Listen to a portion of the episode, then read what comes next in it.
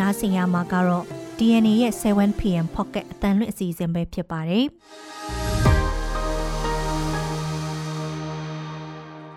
ဒီကနေ့အောက်တိုဘာလ19ရက်နေ့ DNA ရဲ့ pocket အတန်လွင့်အစီအစဉ်မှာတော့မြန်မာလုပ်သားတွေကိုတောင်ကိုရီးယားကရာသီချိန်လှုပ်သားအဖြစ်ခေါ်ဖို့သဘောတူလက်မှတ်ရေးထိုးထားခြင်းမရှိဘူးဆိုတဲ့အကြောင်းဗမော်မြို့မှာစက်ကောင်စီကစနီးမောင်နဲ့နှစ်ဦးကိုဖမ်းပြီးနေအိမ်ကိုပုံခွဲဖျက်ဆီးတယ်ဆိုတဲ့အကြောင်း အိန္ဒိယကအဝယ်ရက်လို့ကွန်တီစီထက်ဝက်ကြော်ကြတယ်ဆိုတဲ့အကြောင်းမင်းတပ်မှာစစ်ဆောင်တွေနာမကျန်းဖြစ်နေပြီးစီးဝါးနဲ့ရိတ်ခါအခက်ကြုံနေရတယ်ဆိုတဲ့အကြောင်းလောင်လုံးကရာဘာချန်လုပ်ငန်းတွေရက်နာထားရလို့လုပ်ငန်းလုပ်ကင်သူတွေနစ်နာမှုများစွာရှိနေတယ်ဆိုတဲ့အကြောင်းစတဲ့ပြည်တွင်းသတင်းတွေနဲ့တရုတ်တိုက်လေရင်တွေရဲ့နောက်ဆက်ပြန်တမ်းမှုမှတ်တမ်းဗီဒီယိုတွေကိုအမေရိကန်ထုတ်ပြန်နေဆိုတဲ့အကြောင်းဂါဇာကဆေးရုံပောက်ကွဲမှုဟာ ပါလက်စတိုင်းပျောက်ကြားတွေရဲ့ဒုံးကြီးကြောင့်လို့အစ္စရေးရှင်းလင်းပြောဆိုတယ်ဆိုတဲ့အကြောင်းစတဲ့နိုင်ငံတကာသတင်းတွေနဲ့အတူစာရေးဆရာလင်ခါရဲ့ခန်းစားပြများအားလုံးဟာချမ်းထားခဲ့ရမှာတွေချီဆိုတဲ့ essay ကိုနားဆင်ရမှာပါရှင်။ပြည်တွင်သတင်းတွေကိုတော့ကျမနန်းခမ်းနဲ့ကိုမောင်သိန်းကတင်ဆက်ပေးမှာပါ။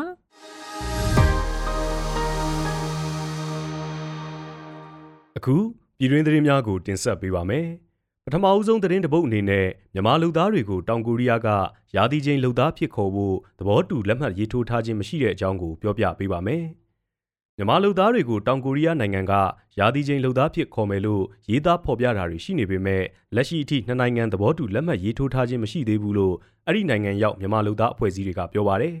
။အမျိုးသမီးတွေပါတွားရောက်လုတ်ကင်နိုင်မဲ့ရာသီချိန်လုပ်သားတွေဖြစ်မြန်မာလုပ်သားတွေကိုတောင်ကိုရီးယားနိုင်ငံက ခေါ်ယူတော့မယ်ဆိုပြီးသတင်းတွေခက်စိတ်စိတ်ထွက်နေပေမဲ့တောင်ကိုရီးယားအစိုးရဘက်ကဒါကိုအတိမပြုထားဘူးလို့အဲ့ဒီနိုင်ငံကရွှေ့ပြောင်းမြန်မာအလုပ်သမားတွေကိုကူညီပေးနေသူတူကပြောပါတယ်။တောင်ကိုရီးယားအစိုးရဘက်ကတော့မြန်မာလုပ်သားတွေကိုရာသီချိန်လုပ်သားအဖြစ်ခေါ်ယူမဲ့ကိစ္စနဲ့ပတ်သက်လို့နှစ်နိုင်ငံညှိနှိုင်းဆွေးနွေးမှုတွေလုပ်ခဲ့ဘူးပေမဲ့သဘောတူလက်မှတ်ရေးထိုးထားပြီးအတီးပြုတ်ထားတာမရှိသေးတဲ့အကြောင်းအဲ့ဒီနိုင်ငံရောက်မြန်မာအလုပ်သမားအဖွဲ့တွေကိုအကြောင်းပြန်ထားပါတယ်။ အဲ့ဒီရာသီချိန်လှုပ်သားစီလူရေးနဲ့ပတ်သက်လို့ပြည်ခိုင်ဖြိုးပါတီနေပြည်တော်ကောင်စီဥက္ကဋ္ဌနဲ့ကိုရီးယားမြန်မာချစ်ကြည်ရေးအသင်းတို့ဩဂုတ်လအတွင်းတွေ့ဆုံဆွေးနွေးခဲ့ပြီးတောင်ကိုရီးယားကပြည်내၃ခုအတွက်လှုပ်သားတထောင်ကျော်ခေါ်ယူဖို့ကနအူးသဘောတူညီမှုရခဲ့တယ်ဆိုတဲ့စာတစောင်လဲလူမှုကွန်ရက်မှာပြန့်နှံ့ခဲ့ပါသေးတယ်။အဲ့ဒီစာမှာပါတဲ့ပြည်내၃ခုကရာသီချိန်လှုပ်သားခေါ်မယ်ဆိုတဲ့ကိစ္စကလည်းမှန်ကန်မှုမရှိတဲ့အကြောင်းတောင်ကိုရီးယားအာဏာပိုင်တွေကရှင်းလင်းအကြောင်းပြန်ထားတယ်လို့မြန်မာလှုပ်သားရေးလှုပ်ရှားသူတွေကပြောပါတယ်။ မကြသေးခင်ကလည်းဂျပန်နိုင်ငံမှာအလုပ်လုပ်ကန်ရမယ်ဆိုပြီးလူစုဆောင်းကစစ်တပ်ထဲဝင်စီခဲ့တဲ့သတင်းတွေထက်ခဲ့တာကြောင့်အခုတောင်ကိုရီးယားအတွက်ရာသီချိန်လှုပ်သားခေါ်မယ်ဆိုတဲ့သတင်းတွေအပေါ်စိုးရိမ်ကြတာမျိုးတွေလည်းရှိနေပါတယ်။ဆက်လက်ပြီးပြောပြချက်တဲ့အကြောင်းကတော့ဗမော်မြို့မှာစစ်ကောင်စီကဇနီးမောင်နဲ့နှစ်ဦးကိုဖမ်းပြီးနေအိမ်ကိုဘုံခွဲဖျက်ဆီးတယ်ဆိုတဲ့အကြောင်းပါ။ကချင်ပြည်နယ်ဗမော်မြို့ကငွေကြီးပြည်စုံသူဇနီးမောင်နဲ့နှစ်ဦးကို စစ်ကောင်စီကဖမ်းဆီးသွားတယ်လို့နေအိမ်ထဲကတံမိုးရှိပစ္စည်းတွေကိုတင်ယူသွားပြီးနေအိမ်ကိုလည်းဘုံခွဲဖျက်ဆီးလိုက်တယ်လို့ကချင်သတင်းဌာနတွေကရေးသားဖော်ပြနေကြပါတယ်။ဖမ်းဆီးခံခဲ့ရတဲ့သူတွေဟာဗမော်မြို့ညောင်ပင်ရက်ကွက်မှာနေထိုင်တဲ့ဥတရှိလက်တွဲတို့စနီးမောင်နှံဖြစ်ပြီးအော်တိုဘာလ18ရက်နေ့မှာစစ်ကောင်စီတပ်တွေကလာရောက်ဖမ်းသွားတယ်လို့ကချင်ဒေသအခြေစိုက် DSM-D4 မီဒီယာကဖော်ပြထားပါတယ်။ အဲ့ဒီစနီးမောင်နှံကိုဖမ်းဆီးသွားပြီးတဲ့နောက်မနေ့ကတော့သူတို့ရဲ့နေအိမ်ထဲကတန်မိုးရှိပစ္စည်းတွေကိုထုတ်ယူကာနေအိမ်အဆောက်အုံကိုတော့ပုံခွဲဖျက်ဆီးလိုက်တာလို့ဆိုပါတယ်။လက်ရှိသတင်းဖော်ပြချက်တွေအရဖမ်းဆီးခံရတဲ့ဦးတရှိလက်တွဲဆိုသူဟာ KIA အရာရှိဟောင်းတဦးဖြစ်တယ်လို့ဖော်ပြထားကြတာမျိုးတွေရှိနေပေမဲ့တိတိကျကျအတီးပြုတ်နိုင်တဲ့အခြေအနေတော့မဟုတ်သေးပါဘူး။သတင်းတချို့ကတော့ KIA KIO နဲ့ပတ်သက်သူလို့ဖော်ပြကြပါတယ်။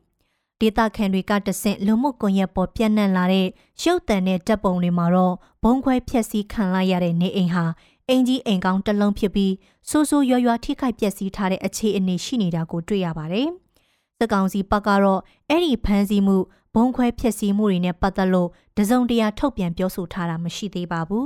။နောက်ထပ်သတင်းတစ်ပုဒ်အနေနဲ့အိန္ဒိယကအဝယ်ရက်လို့ကွန်ဒီစီထက်ဝက်ကျော်ကျဆင်းတဲ့သတင်းကိုပြောပြပေးပါမယ်။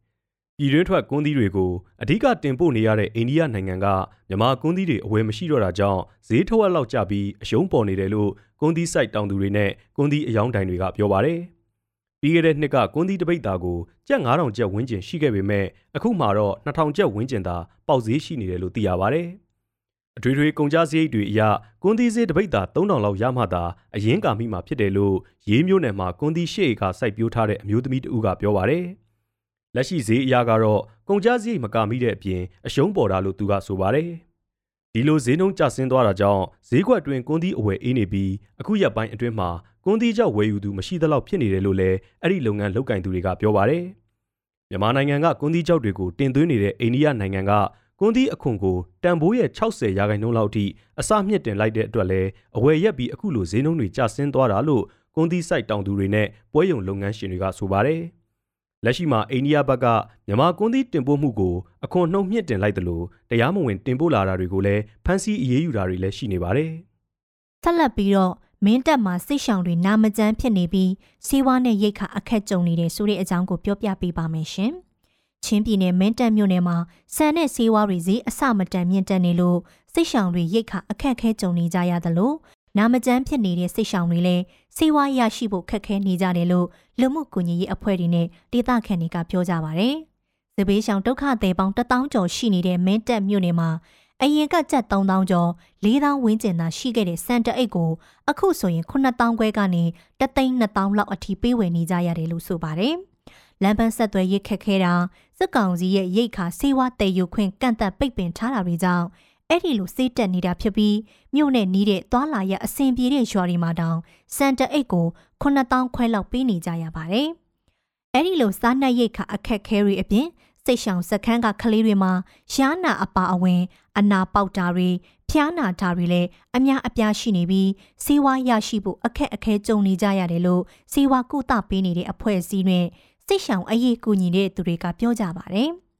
စကောင်စီတက်ရဲ့လေးချောင်းတိုက်ခိုက်မှုလက်နက်ကြီးပစ်မှုစစ်ကြောင်းထိုးမှုတွေကြောင့်တင်းရှောင်နေကြရတဲ့စစ်ရှောင်တွေဟာနီးစပ်ရာဆွေမျိုးရှိတဲ့တောင်ပေါ်ရွာမှာမြေငါးကတဲထိုးပြီးတော့ယာယီနေထိုင်နေကြရတာဖြစ်လို့ကျမ်းမာရေးအခက်အခဲတွေပိုရှိကြတယ်လို့သိရပါတယ်။နောက်ဆုံးသတင်းတစ်ပုဒ်အနေနဲ့လောင်းလုံးကရာဘာချန်လုပ်ငန်းတွေရပ်ထားရလို့လုပ်ငန်းလုပ်ကင်သူတွေနစ်နာမှုရှိနေတဲ့အကြောင်းကိုပြောပြပေးပါမယ်။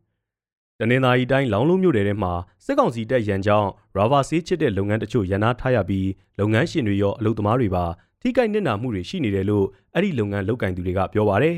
။လောင်းလုံးမြို့နယ်တဲပုံရွာအနီးကတဲပုံတောင်မှာစစ်ကောင်စီတပ်တွေအခုနှစ်မေလလောက်ကတည်းကတပ်ဆွဲထားပြီးအနီးနားတဝိုက်ကိုလက်နက်ကြီးတွေပစ်ခတ်လေးရှိတာကြောင့်ခြံရှင်းတာရာဘာဆေးချစ်တာတွေလှုပ်ချင်ရောက်နေပြီဆိုပေမဲ့လုပ်ငန်းခွင်မဝင်ရဲကြတာလို့ရာဘာချန်အလုပ်သမားတွေကပြောပါတယ်။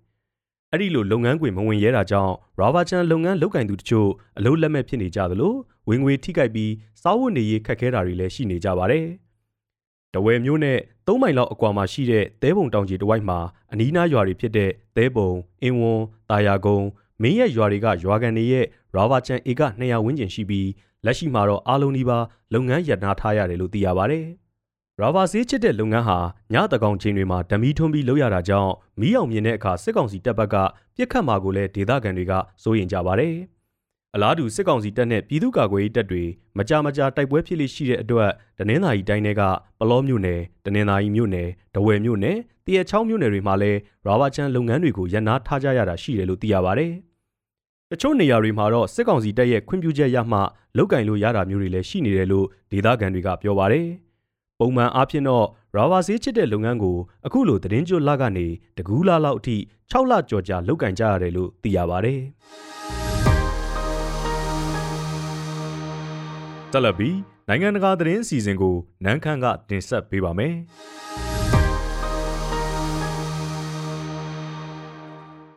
နနစ်တာကာလလောက်အတွင်းအမေရိကန်စစ်လေယာဉ်တွေကိုတရုတ်တိုက်လေယာဉ်တွေကအကြိမ်ရေရာနဲ့ချီနောက်ရှက်ပြန်တန်းခဲ့တဲ့ မက်တန်ဗီဒီယိုတချို့ကိုအမေရိကန်ကထုတ်ပြန်လိုက်ပါတယ်။အမေရိကန်ရဲ့ပင်တဂွန်စစ်ဌာနချုပ်ကတရုတ်တိုက်လေယာဉ်တွေဟာနှစ်နှစ်အတွင်းနောက်ဆက်ပြန်တမ်းမှုအကြိမ်ပေါင်း180လောက်လှုပ်ဆောင်ခဲ့တယ်လို့ပြောပါတယ်။ဒါဟာအဲ့ဒီမတိုင်ခင်ဆယ်စွန်းနှစ်တခုစာကာလကထက်ပိုများတဲ့အရေးအတွက်ပါ။ပင်တဂွန်ကတရုတ်ရဲ့စစ်အင်အားနဲ့လုံခြုံရေးဆိုင်ရာချင်းချောက်နိုင်ခြင်းနှစ်ပတ်လည်ထုတ်ပြန်ချက်မှာအဲ့ဒီမက်တန်ဗီဒီယိုတွေနဲ့ဓာတ်ပုံတချို့ကိုပြသသွားခဲ့တာဖြစ်ပါတယ်။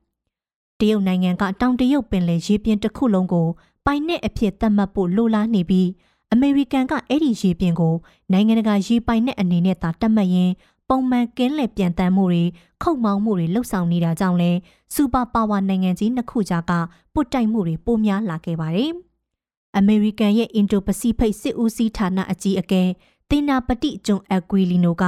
အခုထုတ်ပြန်ခဲ့တဲ့ဗီဒီယိုတွေထဲမှာတရုတ်တိုက်လေရင်တွေဟာ နိုင်ငံတကာလေပိုင်နက်ထဲမှာရှန်လိုတဲ့ professional မပီတာတဲ့ချင်းကပ်နောက်ဆက်ပြန်တမ်းမှုတွေလှုပ်ဆောင်ခဲ့တဲ့ဆိုတာကိုအထင်အရှားမြင်သာစီကြောင်းပြောခဲ့ပါတယ်။အချုပ်သဘောပြောရရင်ဒီလိုမျိုးမလျော်မကန်အပြုအမူတွေနဲ့ပြန်တန်းတာဟာဆိုးရွားလာတဲ့မတော်တဆမှုတွေကြုံတွေ့သွားစေနိုင်တယ်လို့လည်းသူကသတိပေးခဲ့ပါတယ်။တရုတ်ကတော့အိန္ဒိချင်းနိုင်ငံတွေနဲ့ရေပိုင်နဲ့အငင်းပွားမှုတွေရှိနေတဲ့ရေပြင်မှာအမေရိကန်ရေတပ်ရဲ့ကင်းထောက်ပြန်တမ်းမှုတွေပိုထူထပ်လာတဲ့နောက် နိုင်ငံလုံခြုံရေးအတွက်တင့်တော်တဲ့တုံ့ပြန်မှုတွေပြုလုပ်ပိုင်ခွင့်ရှိတယ်လို့ကာကွယ်ပြောကြားထားပါတယ်။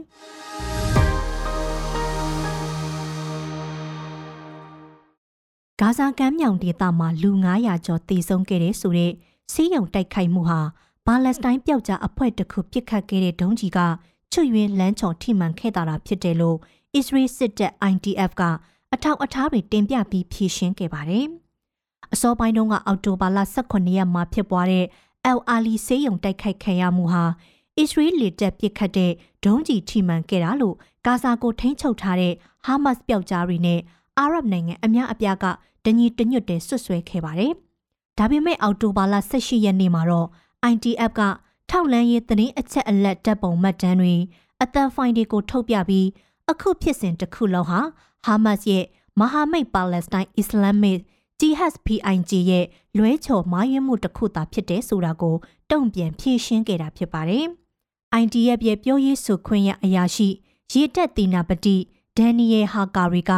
အခင်းဖြစ်တဲ့ညပိုင်းကဆေးရုံနဲ့မနီးမဝေးကနေအစ္စရေးပိုင်နက်ဖက်ကိုချိန်ရွယ်ပြီးဒုံးကျည်တွေအတွဲလိုက်ပစ်ခတ်နေခဲ့တဲ့မက်တန်ဗီဒီယိုကိုပြသခဲ့ပါတယ်။အဲ့ဒီနောက်မရှိမနှောင်းမှာဆေးရုံနေရာကနေပောက်ကွဲမှုကြီးဖြစ်ပွားခဲ့တာပါ။ဟာကာရီက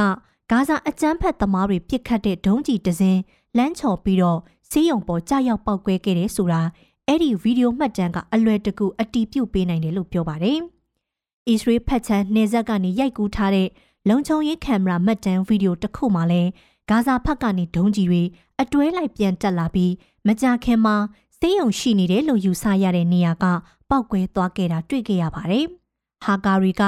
လမ်းချော်ကျဆင်းတဲ့ဒုံးကြီးဟာ ဆေးရုံထဲကကားပါကင်နေရာကိုထိမှန်ခဲ့ပြီးပဝင်းကျင်ကတခြားအဆောက်အုံတွေမှာဆူဆူရွရွပျက်စီးမှုမရှိဘဲအကောင့်ပတိကျန်နေတဲ့မှတ်တမ်းတပ်ပုံတွေကိုလည်းပြသခဲ့ပါတယ်။ခဲယမ်းမီးကျောက်ဆိုင်ရာပညာရှင်တွေကတည်တည်ချာချာဆန်းစစ်သုံးသပ်ချက်အရအဲ့ဒီပောက်ကွဲမှုအနေအထားဟာမြေပြင်အခြေစိုက်ပစ်ခတ်တဲ့တုံးကြီးတစင်းကြောင့်သာဖြစ်တယ်ဆိုတာအပြေထွက်ခဲ့ကြောင်းလီဘော်ကနေအရှိန်နဲ့ကြာဆင်းလာတဲ့အစ္စရေးဒုံးကြီးကြောင့်ဆိုရင်တော့ဂါဘာကင်အနီးတစ်ဝိုက်ကအဆောက်အုံတွေဟာ အကောင့်အတိုင်းကြမှာမဟုတ်ကြောင်းလည်းသူကပြောပါတယ်။သတင်းထောက်တွေနဲ့တွေ့ဆုံချိန်မှာဟာကာရီကအစ္စရေးရဲ့ဝေဟင်ကနေလေရင်ပြစ်တဲ့ဒုံးကျည်တွေကြောင့်ထိခိုက်မှုနမူနာမှတ်တမ်းပုံတွေနဲ့ဆေးရုံမှာထိခိုက်ပျက်စီးထားတဲ့အခြေအနေတွေသဘောတဘာဝမတူညီတာကိုလည်းနိုင်ရှင်ပြသထားခဲ့ပါတယ်။ဒါအပြင်အစ္စရေးဟာဆေးရုံပောက်ကွဲမှုကြီးအပြီးဟာမတ်တိုက်ခိုက်ရေးသမားနှစ်ဦးကြားအပြန်အလှန်ဆက်သွယ်ပြောဆိုထားတဲ့ရေဒီယိုအတန်ဖိုင်မှတ်တမ်းတွေကိုပါ ထုတ်ပြန်သွားပါတယ်။အဲ့ဒီအတန်ဖိုင်အရဒုံကြီးဟာဆေးရုံနောက်ဖက်တုတ်တန်နေရာကနေပြစ်လွတ်လိုက်တာဖြစ်ကြောင်း PIJ ကပြစ်လွတ်လိုက်တဲ့ဒုံကြီးတွေထဲကနေအခုလိုပြုတ်ကျလာတာမျိုးမထွေဘူးခဲ့ကြောင်းဟာမတ်အဖွဲ့သားတယောက်ကပြောဆိုနေတာကိုကြားနေရပါတယ်။ IDF ကနိုင်ငံတကာမီဒီယာတွေဟာဟာမတ်တွေဝါဒဖြန့်လိမ်လည်တဲ့အာပေါ်အတိုင်းအစ္စရေးကဂါဇာဆေးရုံကိုပြစ်ခတ်တိုက်ခိုက်တဲ့ဆိုတဲ့သဘောမျိုးရေးသားနေတယ်လို့လည်းဆွဆွဲသွားခဲ့ပါတယ်။ ဟာကာရီကသတင်းစာရှင်းလင်းပွဲမှာတင်ပြတဲ့အချက်လက်တွေဟာအခင်းဖြစ်ရာနေရာကအမတ်တန်းတပ်ပုံတွေထောက်လန်းရေးအစီရင်ခံမှုတွေမျက်မြင်တွေရဲ့ထွက်ဆိုချက်တွေနဲ့ပညာရှင်တွေရဲ့ထောက်ခံချက်တွေအားလုံးကိုစီစစ်ပေါင်းစပ်ထားတာလို့ပြောပါတယ်။ PIJ ကတော့အစ္စရေးကိုသူတို့ပြစ်ခတ်တိုက်ခိုက်တဲ့ဒုံးကြီးဟာစင်းရုံပေါ်ကြာရောက်ပောက်ကွဲခဲ့တဲ့ဆိုတာမဟုတ်မှန်ကြောင်းညင်းဆိုထားပါတယ်။ IDF ရဲ့ထုတ်ပြန်ချက်အရအောက်တိုဘာလ9ရက်မှာစစ်ပွဲစတင်ချိန်ကတည်းက ဂါဇာဖက်ကနေပြစ်ခတ်လိုက်တဲ့ဒုံးကျည်တွေကအနည်းဆုံးအစင်450လောက်ဟာအစ္စရေးထိမရောက်ပဲဂါဇာမှာပဲကြာရောက်ပောက်ကွဲခဲ့တယ်လို့သိရပါတယ်။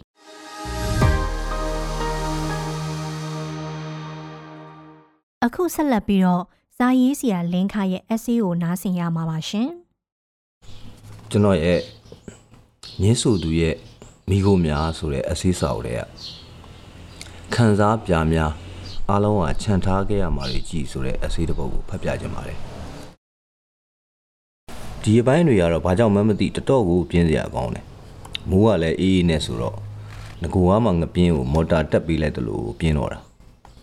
လူကပြင်းလာပြီဆိုရင်ငုတ်တုတ်ကလေးထိုင်နေဖို့တော့မစွမ်းဆောင်ကျင်တော့ပြင်းတာထက်ပိုဆိုးသေးတာကလူကထုံထိုင်းထိုင်းဖြစ်နေတာလည်းပါသေးတယ်ဒီနေ့ပိုင်းတွေမှာစာအုပ်တွေအဆက်မပြတ်တဲ့လောက်ကိုဖတ်ဖြစ်တယ် ဖတ်ရင်ဖတ်ရင်နဲ့ကိုယ့်ဘာသာကိုယ်တော်ဘလောက်ဒီလောက်ကြီးဖတ်နေရတာတော့ဟာလို့နားမလည်နိုင်အောင်ဖြစ်ရတဲ့အထိပဲဝတ္ထုရှည်တွေအတူတွေအဆေးတွေအခြားသောတွေရောပေါ့လေဖက်လုံးတော့လူကဟုံတယ်လို့လို့ထုံတယ်လို့လို့ဖြစ်လာတယ်ဘလုံးဝဲတွေနားနေတာကလည်းလူကိုရောင်ချချဖြစ်စေတဲ့အချက်ထဲမှာပါတယ်ကျွန်တော်ကခရစ္စတီယာနိုရိုနယ်ဒိုရဲ့အမာခံပြည့်သက်ဒီကောင်ဘောလုံးကစားတာကိုမြန်မြင်နေရရင်လူဟာပြီးပြည့်စုံနေရောပဲ YouTube ပေါ် Facebook ပေါ် တင်ထားသမျှဒိုလေးရဲ့ဘောလုံးစကီစူးစီးမှုတွင်းကိုစူးစီးမှုကောင်းဆုံးနောက်တန်းကစားသမားဆိုသူများကိုဖျက်ကျော်ခြင်းကမ္ဘာစင်ကိုသမားများကိုအယူလုပ်ခြင်းစသဖြင့်မကြည်ဘူးတာဖြင့်မရှိသလောက်ကိုဖြစ်နေပြီထက်ခါထက်ခါကြည်လွန်းတော့အလွတ်တွေရပြင်းသွားပြန်ရောပြင်းပြင်းနဲ့ပဲလမ်းတွေပျောက်နေရဆိုတော့အဲ့ဒါနဲ့ပဲစာအုပ်စင်ရှိမတက်ရရင်ဘယ်စာအုပ်ကိုများဖတ်ချင်စိတ်ဖြစ်မလဲလို့စာအုပ်နှောင်တွေလိုက်လံကြည့်ရင်ဝယ်ထားတာကြာပြီဖြစ်တဲ့ မဖတ်ရသေးတဲ့ဆိုဖီရဲ့ကဘာတို့ခစ်တစ်တသနာဗေဒနေတန်းတို့ကိုစာအုပ်စင်ကနေခက်တီတီဆွဲချလာပြီးထိုင်ဖက်နေလိုက်မိတယ်မပြင်းတယောက်ဖို့တော့တိတ်တဲ့တဲ့ဈေးပဲလို့ပြောရမယ်ဖယင်းနဲ့စာအုပ်ကလေးလုံးလို့လေးလုံးလို့ဆိုတာစာရောစာအုပ်လေးချိန်ရောပဲချထားလိုက်ဖတ်ထားသမျှလေးစမြုပ်ပြန်လိုက်လုံနေရင်အုံတော့ကိုအလုပ်ပေးထားတော့ပျော်ခြင်းပြင်းခြင်းဆိုတဲ့နယ်ကိုကြော်လွန်စားပြူလာတယ် ရှေးခေတ်ကတသနာပညာရှင်ဆိုတာတွေကလူရင်းတယောက်အနေနဲ့တွေးကြည့်ရင်တော်တော်တနာဖို့ကောင်းတယ်သူတို့ခင်ဗျတွေးရခေါ်ရအပင်မဲမပင်မနိုင်ဘူးဗျာရှိမှုတွေတိမှုတွေအခြေခံအမှန်တရားကြီးများဆိုတာတွေ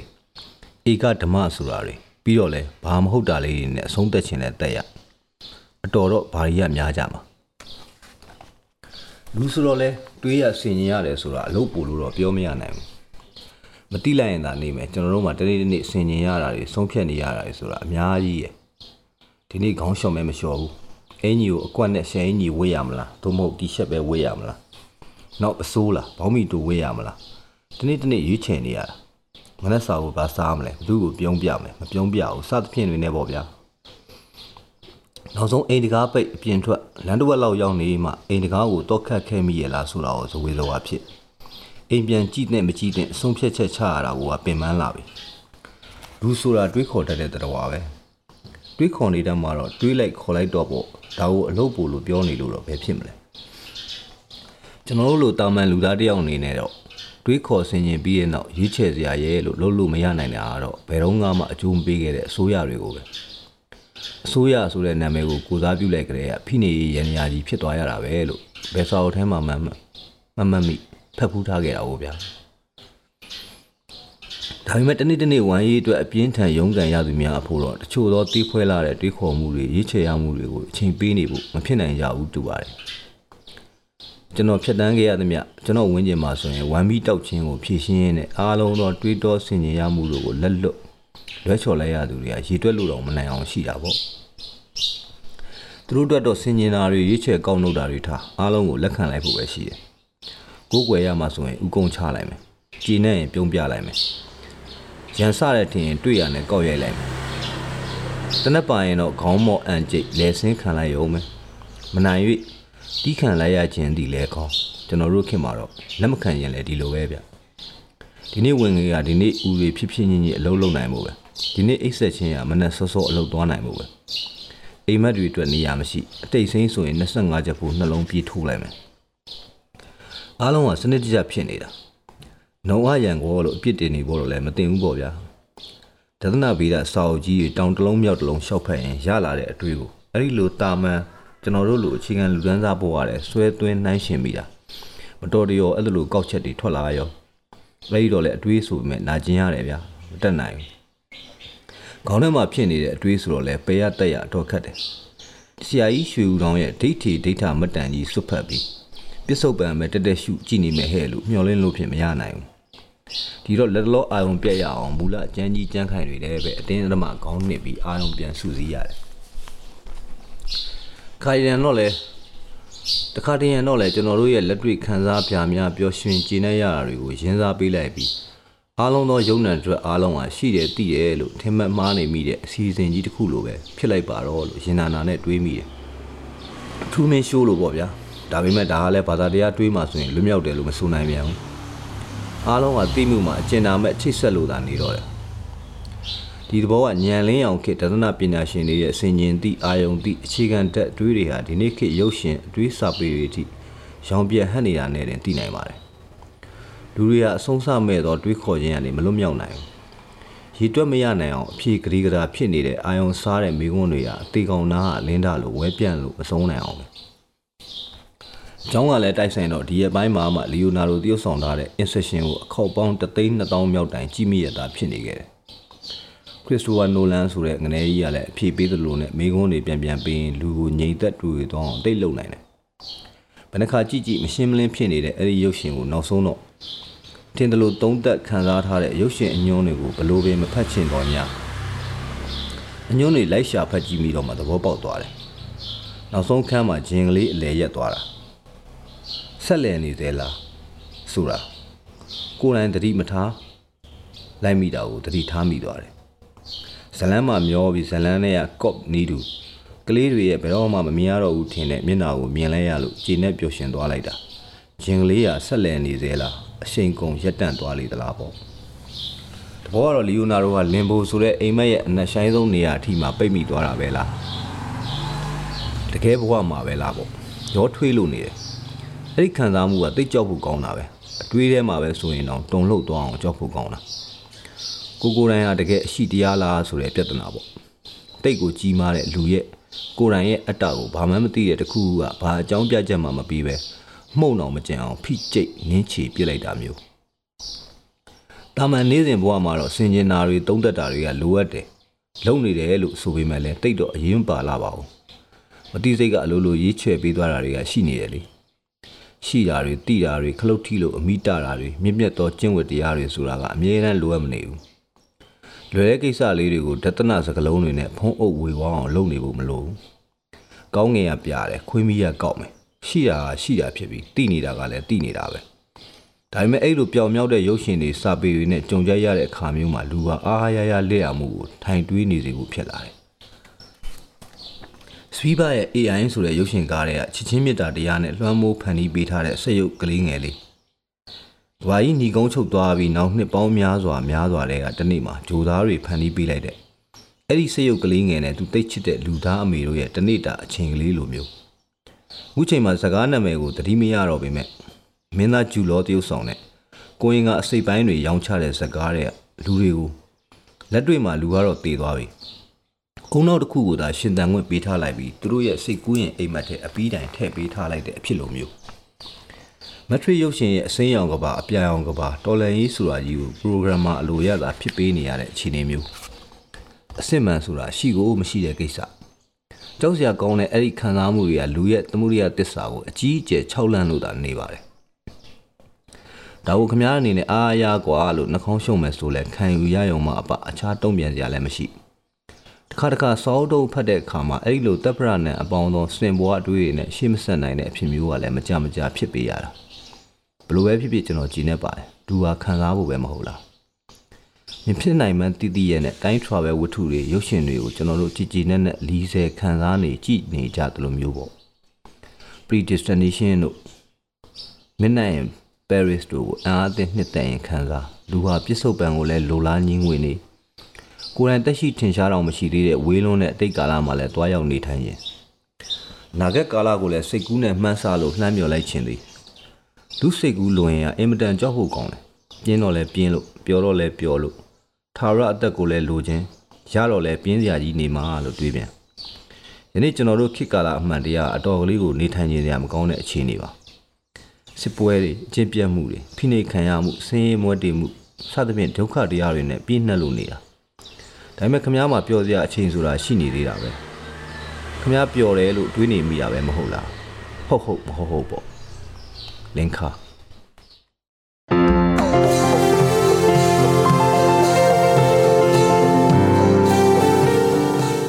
နေရဲ့ pocket အတန်ရင်းအစီအစဉ်ကိုအပတ်စဉ်တနင်္လာနေ့ကနေတောက်ကြနေ့အထိည9:00နာရီတိုင်းမှာတင်ဆက်ပေးသွားမှာပဲဖြစ်ပါတယ်။ဒီအစီအစဉ်ကိုတော့ DNA ရဲ့ Facebook page ကနေအပြင် Anchor, Spotify နဲ့ Google Pocket တို့တွေကနေတဆင့်လဲနားဆင်နိုင်ပါတယ်ရှင်။